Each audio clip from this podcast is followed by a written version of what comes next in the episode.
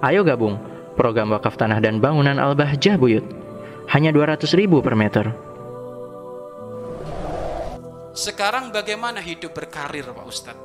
Hidup berkarir diperbolehkan. Siapa yang menga, menga, menga, melarang karir? Tidak dilarang. Akan tetapi kebanyakan orang di saat menggeluti karirnya, mencapai cita-citanya, mencapai tujuan hidupnya, kadang ia hanya mengutamakan kecerdasan otaknya, kecerdasan akalnya, tanpa lagi dibawa kecerdasan hati, yaitu sambungnya kepada Allah Subhanahu wa Ta'ala.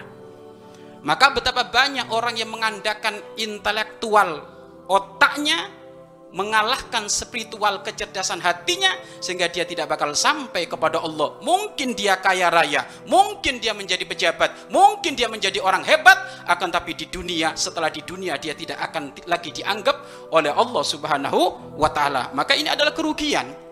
Karena hidupnya ahli iman bukan hanya hitungan dunia saja, akan tapi hitungan yang paling pokok adalah hitungan kehidupan setelah dunia.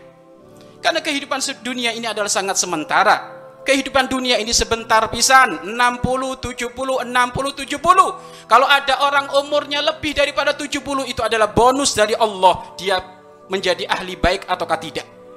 Karena kebanyakan usia itu antara 60 70 sudah itu saja. Makanya dari sini jangan sampai kita sudah capek.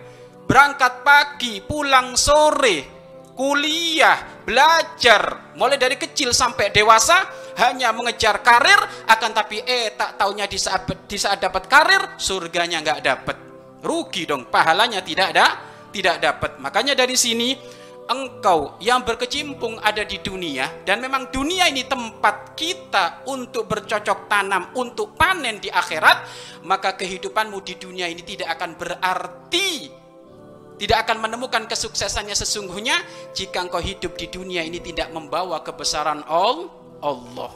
Maka membawa kebesaran Allah ini adalah sangat pen, sangat penting.